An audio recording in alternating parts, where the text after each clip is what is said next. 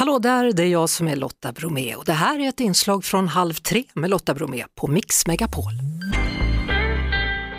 Hörrni, vad mycket nya saker man lär sig hela tiden. Covid, omikron och nu också då apkoppor. Det är tydligen en sjukdom som kan överföras mellan djur och människa. Viruset, viruset kan överföras från djur till människa vid nära kontakt och upptäcktes hos apor och därför fick det då namnet apkoppor. Klara Sondén är infektionsläkare på Folkhälsomyndigheten. Välkommen till Halv tre. Tack. Ja, du, hur orolig ska man vara för det här? Jag tycker att eh, man behöver inte alls vara orolig i sin vardag. Alltså på jobb, i skolan eller vad man nu gör på dagarna. Utan det som har blivit eh, tydligt för det utbrottet som pågår just nu i Europa det är att det rör sig om en sexuellt överförd infektion. Så läget med fall i Sverige, hur ligger vi till just nu? I Sverige så har vi kunnat konfirmera fyra stycken fall. Och de är på olika delar av landet eller i storstäder?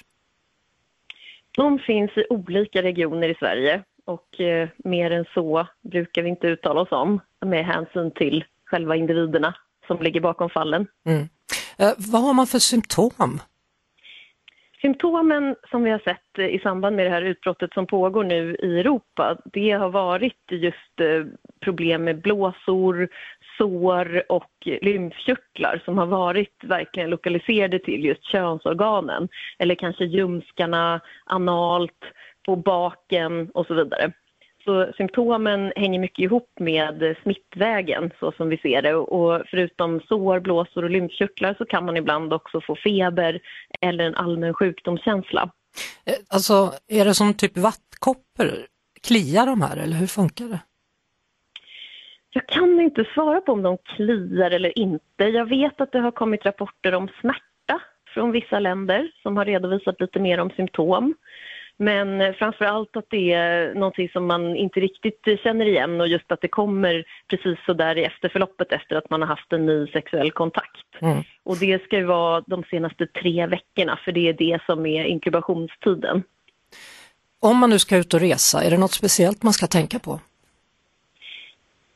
Ja, det enda som man skulle kunna tänka sig för det är om man har planer på att kanske delta på någon festival där det finns eh, fester eller tillställningar där man kanske ser framför sig att ha väldigt många sexuella partners eller nya partners som man inte känner som kommer från många delar av Europa och så.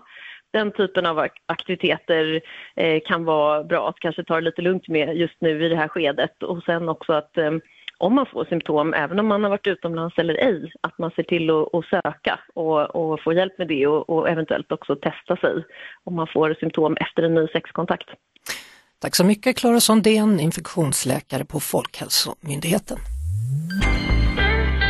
Vi hörs såklart på Mix Megapol varje eftermiddag vid halv tre. Ett poddtips från Podplay. I fallen jag aldrig glömmer djupdyker Hasse Aro i arbetet bakom några av Sveriges mest uppseendeväckande brottsutredningar. Går vi in med hemlig telefonavlyssning och, och då upplever vi att vi får en total förändring av hans beteende. Vad är det som händer nu? Vem är det som läcker? Och så säger han att jag är kriminell, jag har varit kriminell i hela mitt liv men att mörda ett barn, där går min gräns. Nya säsongen av Fallen jag aldrig glömmer på Podplay.